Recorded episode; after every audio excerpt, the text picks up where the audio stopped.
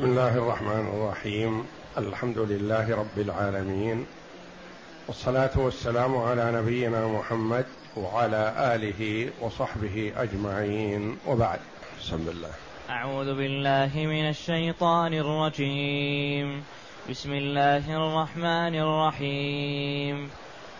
قل يا أهل الكتاب تعالوا إلى كلمة سواء بيننا وبينكم ألا نعبد إلا الله ولا نشرك به شيئا ولا يتخذ بعضنا بعضا أربابا من دون الله فإن تولوا فقولوا اشهدوا بأننا مسلمون هذه الآية الكريمة من سورة آل عمران جاءت بعد قوله جل وعلا إن هذا لهو القصص الحق وما من إله إلا الله وإن الله لهو العزيز الحكيم فإن تولوا فإن الله عليم بالمفسدين.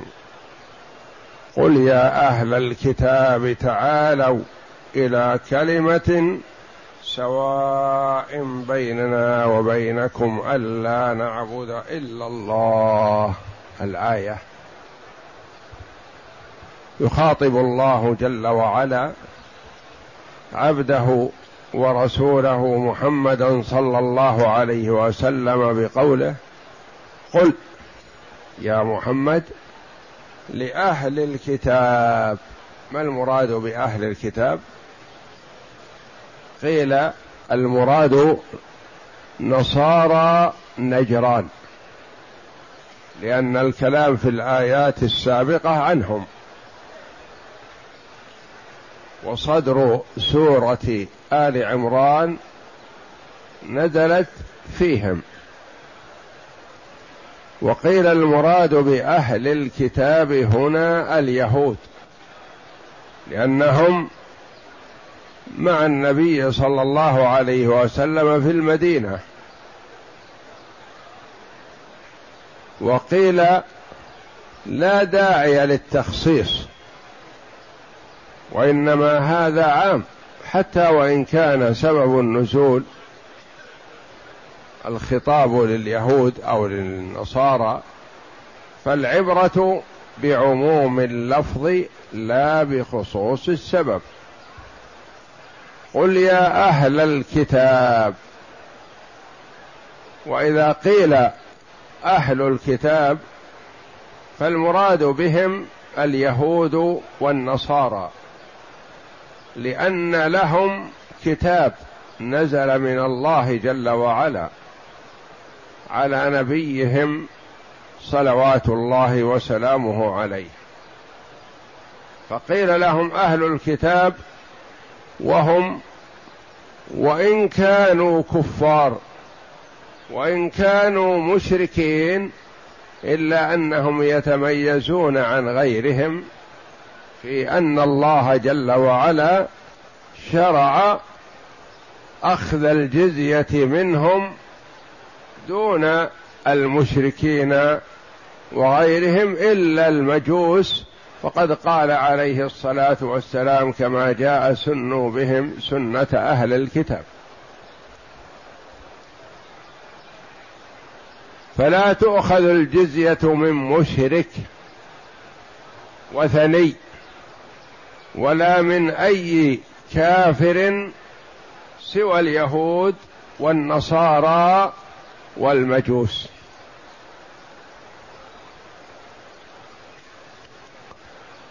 وهم كفار لأنهم كفروا بالله وعبدوا معه غيره. فاليهود يعبدون عزيرا والنصارى يعبدون المسيح عيسى ابن مريم. فهم كفار ومشركون إلا أن الله جل وعلا جعل لهم أحكاما خاصة. والنبي صلى الله عليه وسلم لما بعث معاذا إلى أهل اليمن قال له عليه الصلاة والسلام إنك تأتي قوما من أهل الكتاب من اليهود والنصارى وعندهم علم. ونزل عليهم على أنبيائهم كتب وهم يعرفونها لكنهم ما يعملون بها. وهم يزعمون أنهم مؤمنون بأنبيائهم والحقيقة والواقع أنهم كفار بأنبيائهم كما هم كفار بمحمد صلى الله عليه وسلم.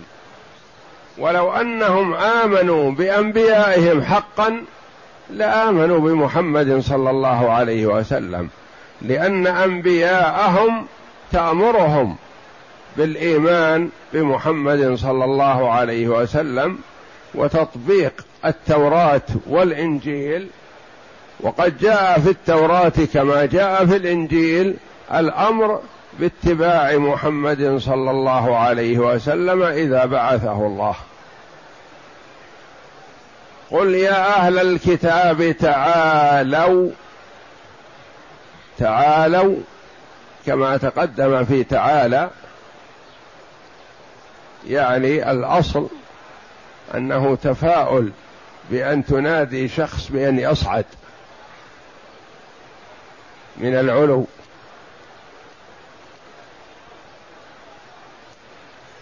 وتعالى الألف فيه عوض عن ياء والياء عوض عن واو. لأنك تقول للنساء تعالينا.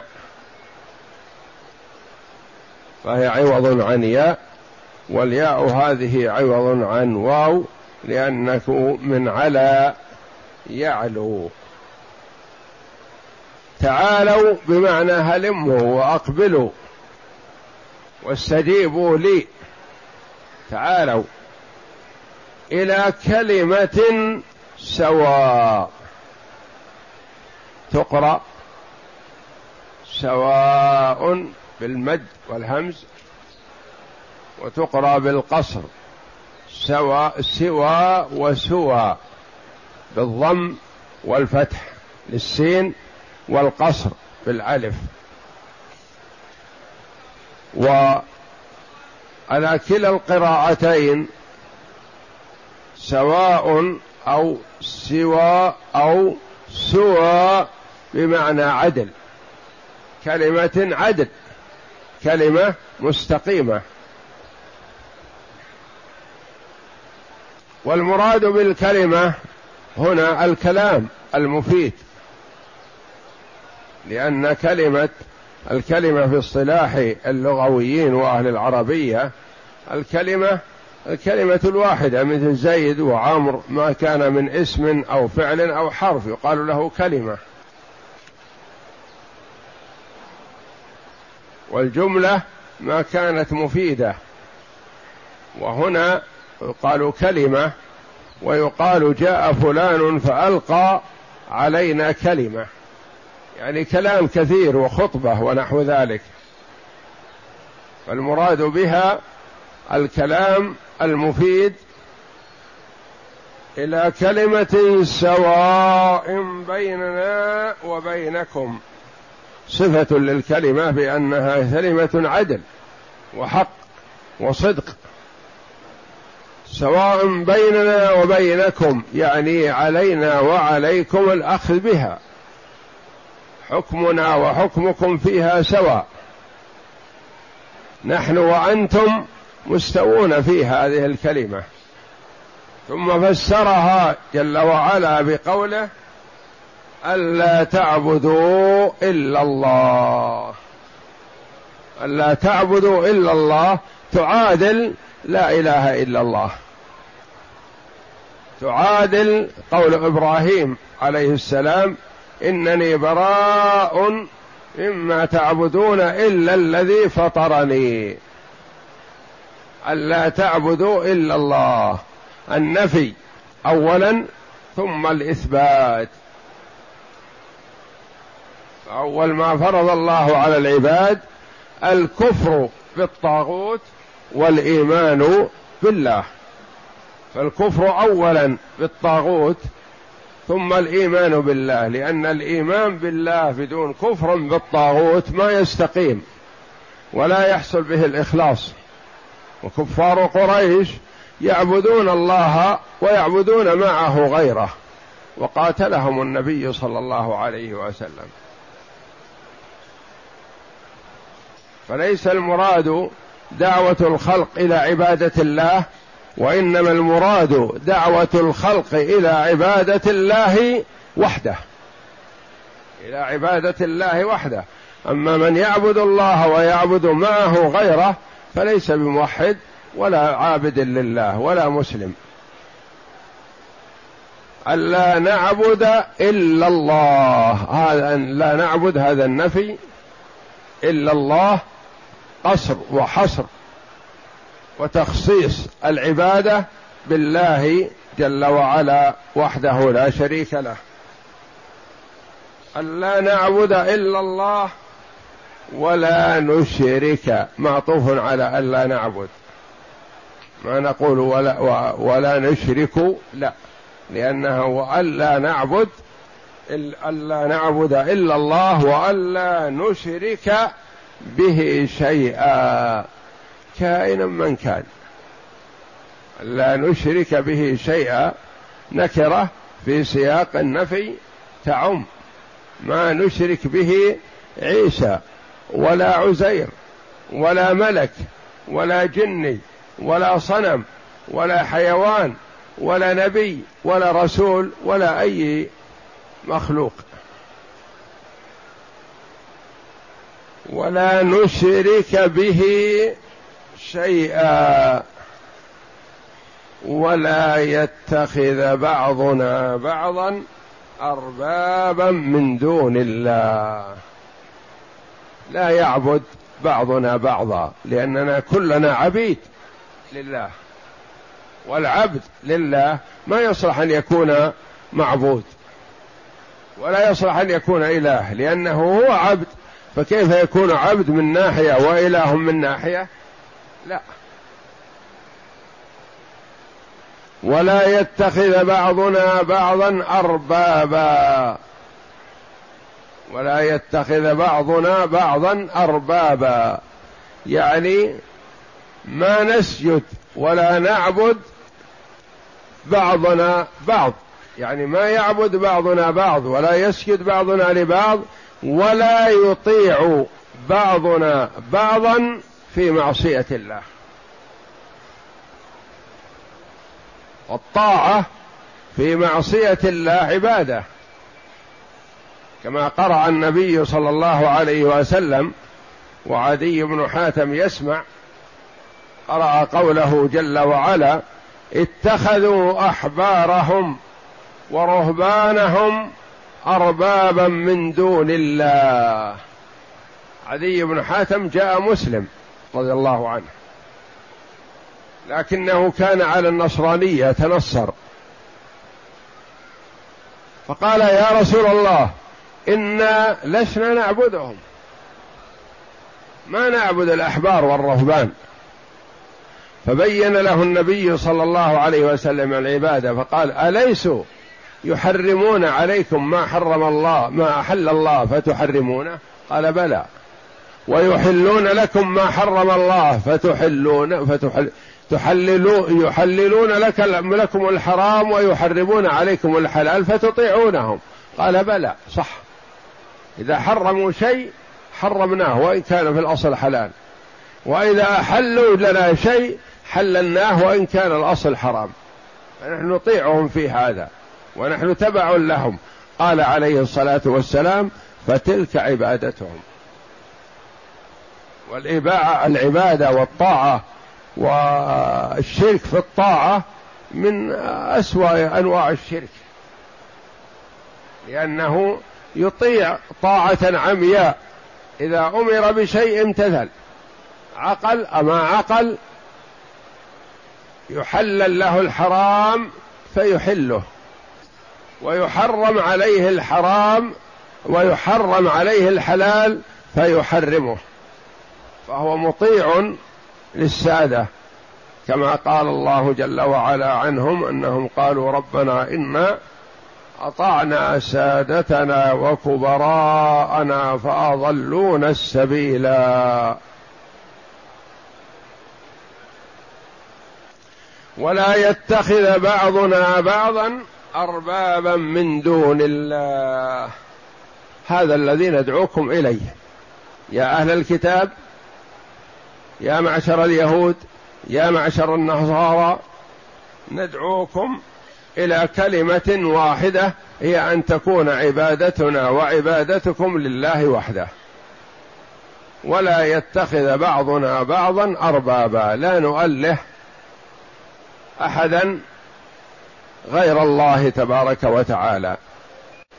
وقد أخرج البخاري ومسلم وغيرهما عن ابن عباس رضي الله عنهما قال حدثني أبو سفيان أبو سفيان بن حرب أن هرقل دعا بكتاب رسول الله صلى الله عليه وسلم فقرئ فإذا فيه. النبي صلى الله عليه وسلم كتب لقادة ورؤساء العالم يدعوهم إلى عبادة الله وحده. فكتب إلى هرقل عظيم الروم. وكتب إلى كسرى عظيم الفرس. وكتب إلى كبراء العرب والمناذرة وأمراء حول الجزيرة العربية. يدعوهم صلى الله عليه وسلم إلى الكتاب. هذا هرقل لما جاءه كتاب النبي صلى الله عليه وسلم اهتم له ورأى أنه ليس بشيء عادي وإنما هو يستدعي الاهتمام لأنه أتاه بشيء عظيم.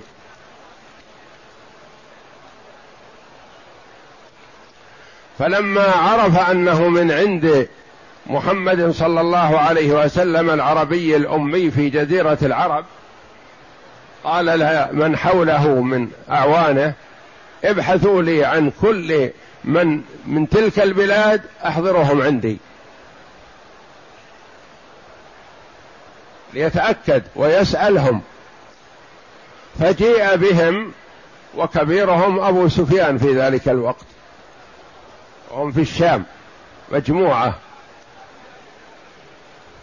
فقال أريد أقربكم نسبا بهذا الرجل الذي ظهر يقول إنه نبي. فقال أبو سفيان أنا. فقدمه وجعل ظهره إلى صحبه. وقال اسمعوا ما يقول لي هذا الرجل. إن صدق فبها وإن كذب فكذبوه.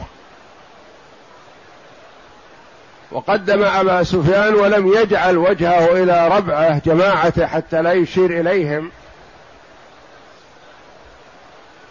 قدمه عليهم وسأله عدة أسئلة يتعرف فيها عن النبي صلى الله عليه وسلم.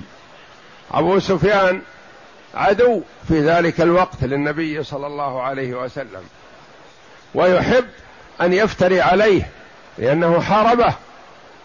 لكنه خشي أن يوثر عنه الكذب خشي أن يتكلم من معه لأنهم ما يبالون به.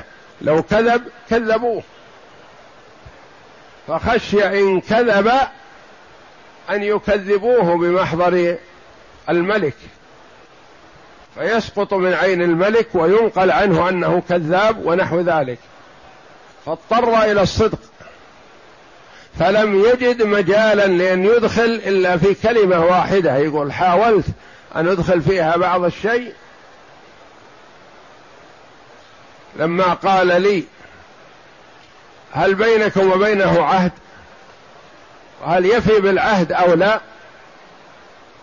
يقول هذه قدرت أن أقول فيها بعض الشيء. قلت بيننا وبينه عهد لكن لا ندري ما هو صانع فيه.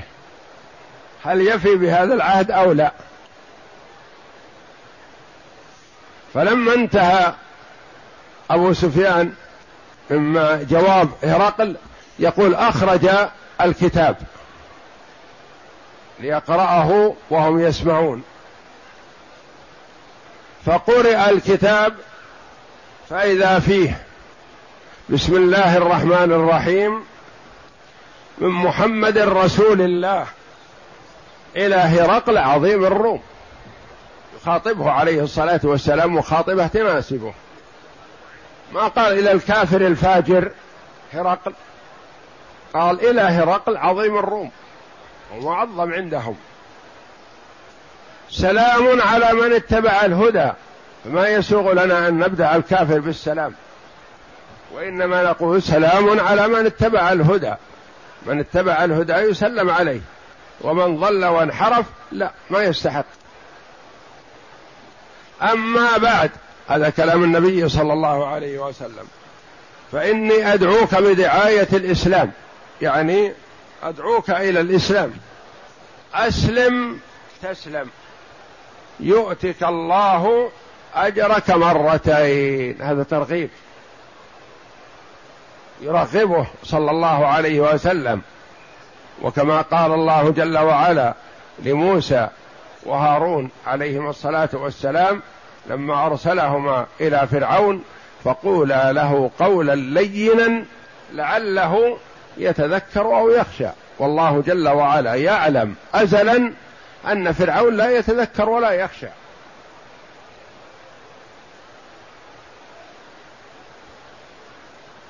يؤتك الله أجرك مرتين هذا ترغيب. وقد أخبر النبي صلى الله عليه وسلم أن ممن يؤتى أجره مرتين رجل آمن بنبيه ثم آمن بمحمد صلى الله عليه وسلم. مثل من أسلم من اليهود والنصارى مثل عبد الله بن سبع عبد الله بن سلام رضي الله عنه وأرضاه. عبد الله بن سلام من الذين يؤتون أجرهم مرتين فهو حبر من أحبار اليهود وأسلم وآمن بالنبي صلى الله عليه وسلم. يؤتك الله أجرك مرتين مضاعف. فإن توليت يعني أعرضت ولم تقبل الإسلام فإن عليك إثم الأريسيين. الأريسيين المراد بهم عامة من تحت ولايتك. يعني ما عليك إثم العلماء أو الأحبار أو عام كل الناس لأنهم تبع لك. فإن توليت فإن عليك إثم الأريسيين. ويا أهل الكتاب تعالوا إلى كلمة سواء بيننا وبينكم ألا نعبد إلا الله ولا نشرك به شيئا إلى قوله بانا مسلمون. أرسل له النبي صلى الله عليه وسلم مع الكتاب هذه الآية الكريمة. كما أمره الله جل وعلا أن يقول لأهل الكتاب ذلك. قل يا أهل الكتاب تعالوا. فهو قال لهم عليه الصلاة والسلام امتثالا لأمر الله تبارك وتعالى. ثم إنه التفت الهرقل إلى أبي سفيان ومن معه فقال إن كنت صادقا فيما قلت لي فإنه سيملك موضع قدمي هاتين. تعجب أبو سفيان. لقد قال لقد أمر أمر ابن أم كبشة أو ابن أبي كبشة. حتى إن ملك بني الأصفر لا يخافه. يعني أعظم رجل في نظر أبو سفيان في ذلك اليوم أعظم رجل في العالم هو ملك بني الأصفر ملك الروم. والآن يخاف من محمد وهم في حال كفرهم يضعون سل الجزور على رأسه وعلى ظهره وهو ساجد عليه الصلاة والسلام. ولا يبالون به. ويأتي إليه ابن أبي لهب ويأتي بعظم يابس بالي فيفته في راحته. ثم ينفخه في وجه النبي صلى الله عليه وسلم. ويقول تزعم أن الله يحيي هذا؟ قال يحيي هذا ويحييك ويدخلك النار. قد أخبر صلى الله عليه وسلم أن هذا الرجل الذي تكلم على النبي بهذا الكلام من أهل النار. عرف أنه لا يهتدي. مثل ما قال الله جل وعلا تبت يدا أبي لهب وتب. هذه معجزة من معجزات النبي صلى الله عليه وسلم وعلامة على صدقه. فتبت يدا أبي لهب وتب. هذه من أوائل ما نزل من القرآن. وكثير من كفار قريش أسلموا وآمنوا. وقد حاربوا النبي صلى الله عليه وسلم وآذوه وتسلطوا عليه ثم هداهم الله للإسلام. وهذه السورة نزلت أول ما نزل من القرآن تبت يدا أبي لهب وتب فعرف قطعا أن أبا لهب يموت كافرا ومات كافرا. أنه لا يؤمن لأنه ما يمكن أن ينزل فيه قرآن بهذا الوعيد الشديد وهذا الذم والتوبيخ واللوم والعياذ بالله ثم يسلم. الله جل وعلا أعلم وأحكم. فقال لقد أمر أمر ابن أبي كبشة ان يخافه ملك بني الأصفر محمد الفقير المسكين الذي لا يلتفت له ولا يؤبه له يخافه ملك بني الأصفر خافه. وملك عليه الصلاة والسلام هو وصحابته من بعده موطن وموضع قدمي ملك بني الأصفر. وطردوهم من الشام ولاحقوهم وملكوا ما تحت أيديهم. ويقول النبي صلى الله عليه وسلم لسراقة بن مالك وهو عليه الصلاة والسلام طريد مستخفي يهاجر من مكة إلى المدينة يستخفي عن الناس لضعفه في نظر الناس عليه الصلاة والسلام كيف بك إذا لبست سواري كسرى؟ تعجب سراقة بن مالك كيف ألبس سواري كسرى؟ كسرى من يقرب حوله؟ ومن يناله؟ وهو أعظم ملك في الدنيا. فسلبسها في خلافة عمر رضي الله عنه.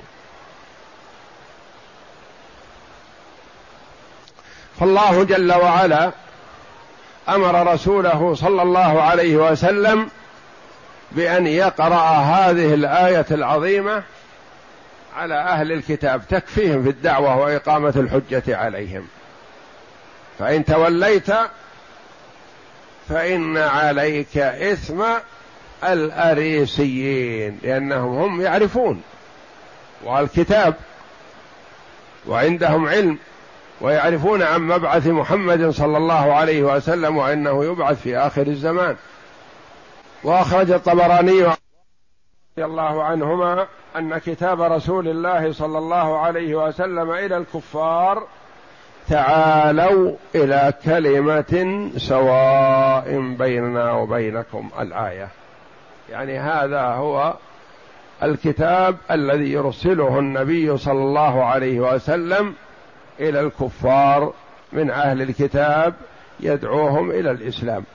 فإن تولوا يقول الله جل وعلا أن تقل لهم هذا لإقامة الحجة عليهم وسيستجيب من أراد الله له الخير والهداية واستجاب من النصارى أمم كثير. ولم يستجب من اليهود إلا عدد قليل لأن اليهود عندهم الحسد والعناد والنصارى أقرب منهم إلى القبول قبول الحق. ولهذا أسلم من النصارى ممالك كاملة وبلدان كاملة تدخل في الإسلام. وأما اليهود فلم يسلم منهم مع أن اليهود عند النبي صلى الله عليه وسلم والنصارى بعيدون عنه. واليهود عنده ويخاطبهم صلى الله عليه وسلم كما جاء عن ابن جرير وابن أبي حاتم عن ابن جريج قال بلغني أن رسول الله صلى الله عليه وسلم دعا يهود المدينة إلى ما في هذه الآية فأبوا عليه فجاهدهم حتى أقروا بالجزية.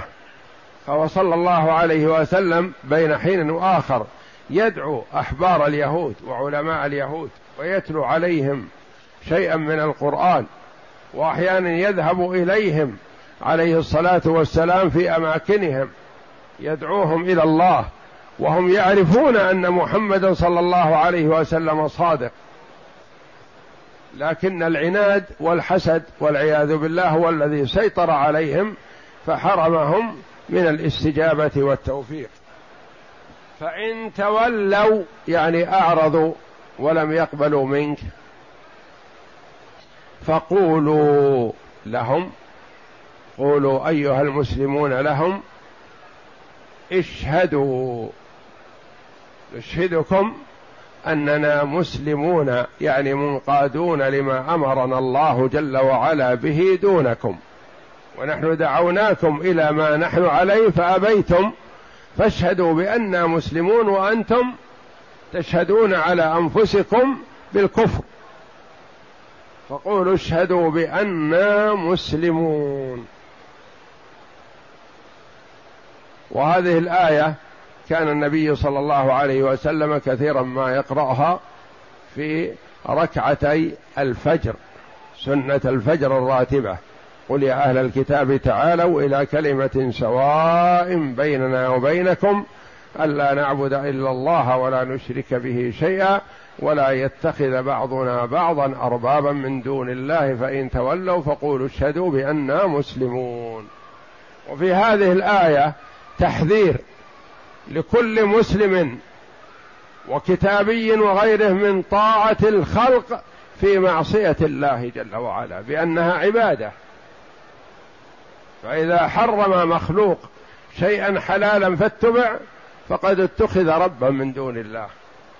وإذا أحل شيئا يعلم حرمته فاتبع فقد اتخذ ربا من دون الله. فإذا أطاعوهم في تحليل الخمر أطاعوهم في تحريم ما أحل الله فقد اتخذوهم أربابا من دون الله. وهذا كفر بالله جل وعلا لأن الطاعة حق الله جل وعلا.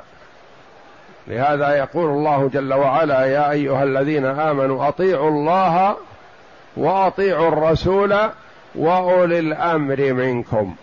فأمر بطاعته جل وعلا وطاعة رسوله لأنه معصوم عليه الصلاة والسلام ما يأمر إلا بطاعة الله.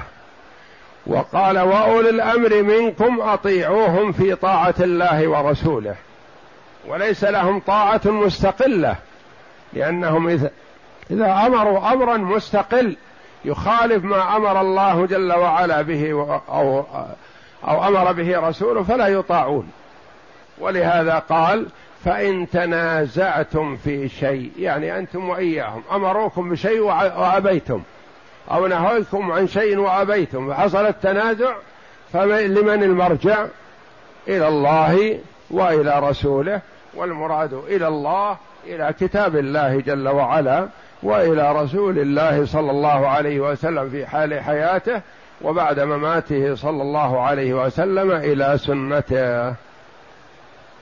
وهذه الآية آية عظيمة في كتاب الله جل وعلا فيها إقامة الحجة على أهل الكتاب ومخاطبتهم وتلطف جل وعلا بهم بقوله قل يا أهل الكتاب.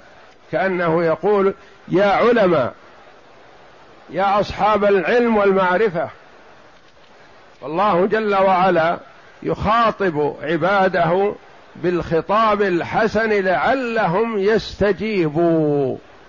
ويقول عبد الله بن مسعود رضي الله عنه إذا سمعت الله يقول يا أيها الذين آمنوا فارعها سمعك فإنها إما خير تؤمر به أو شر تنهى عنه.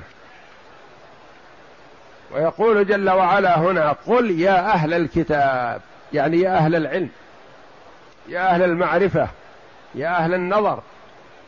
أنتم لستم عوام أهل الكتاب عندكم كتاب من الله جل وعلا يأمركم باتباع محمد صلى الله عليه وسلم. تعالوا إلى شيء عدل وحق بيننا وبينكم. ما نريد منكم أن تعبدونا ولا أن تدفعوا لنا أموالكم. ولا أن نتحكم فيكم ما نريد منكم هذا كله وإنما نريد أن نجتمع وإياكم على عبادة الله وحده فقط. نجتمع على عبادة الله وحده.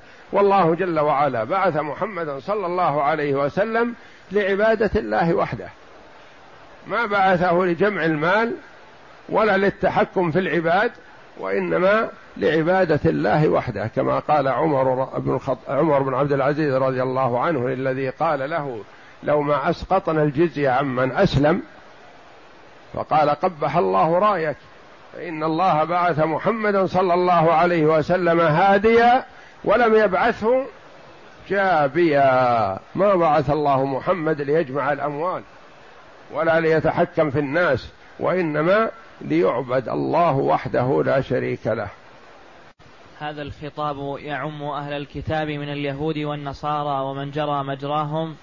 قال تعالى قل يا أهل الكتاب تعالوا إلى كلمة والكلمة تطلق على الجملة المفيدة كما قالها هنا ثم وصفها بقوله الكلمة بقوله ألا نعبد إلا الله لا نحن ولا أنتم. ثم وصفها بقوله سواء بين سواء بي سواء بيننا وبينكم أي عدل ونصف نستوي نحن وأنتم فيها ثم فسرها بقوله ألا نعبد إلا الله ولا نشرك به شيئا لا وثنا ولا صليبا ولا صنما ولا طاغوتا ولا نارا ولا شيئا بل نفرد العبادة لله وحده لا شريك له. وهذه دعوة الشرك بالطاعة من أفظع وأعظم أنواع الشرك والعياذ بالله. نعم. وهذه دعوة جميع الرسل. قال تعالى وما أرسلنا من قبلك من رسول إلا نوحي إليه أنه لا إله إلا أنا فاعبدون. هذه دعوة الرسل كلهم من أولهم إلى آخرهم. وقال من أول الأنبياء آدم وأول الرسل نوح وآخر الرسل والأنبياء محمد صلى الله عليهم وسلم. كلهم يدعون إلى عبادة الله وحده. ولا يدعون إلى عبادة ما سواه. واختلفوا في الشرائع. اختلفوا في الشرائع يعني في العبادات كيفية العبادة. لكن أصل العبادة هم فيه سواء. لا يعبد إلا الله. ما جاء رسول ابدا ولا نبي يبيح الشرك. أو يأذن في الشرك أو نحو ذلك لا. ولقد بعثنا في كل أمة رسولا أن اعبدوا الله واجتنبوا الطاغوت. وقال تعالى ولقد بعثنا في كل أمة رسولا أن اعبدوا الله واجتنبوا الطاغوت. ثم قال تعالى ولا يتخذ بعضنا بعضا أربابا من دون الله. قال ابن جريج يعني يطيع بعضنا بعضا في معصية الله. وقال عكرمة يسجد بعضنا لبعض فإن تولوا فقولوا اشهدوا بأننا مسلمون. أي فإن تولوا عن هذا النصب وهذه الدعوة فاشهدوا أنتم على استمراركم على الإسلام الذي شرعه الله لكم. وقد ذكرنا في شرح, شرح البخاري عن أبي سفيان في قصته حين دخل على قيصر فسأله عن نسب رسول الله صلى الله عليه وسلم وعن صفته ونعته وما يدعو إليه فأخبره بجميع ذلك على الجلية.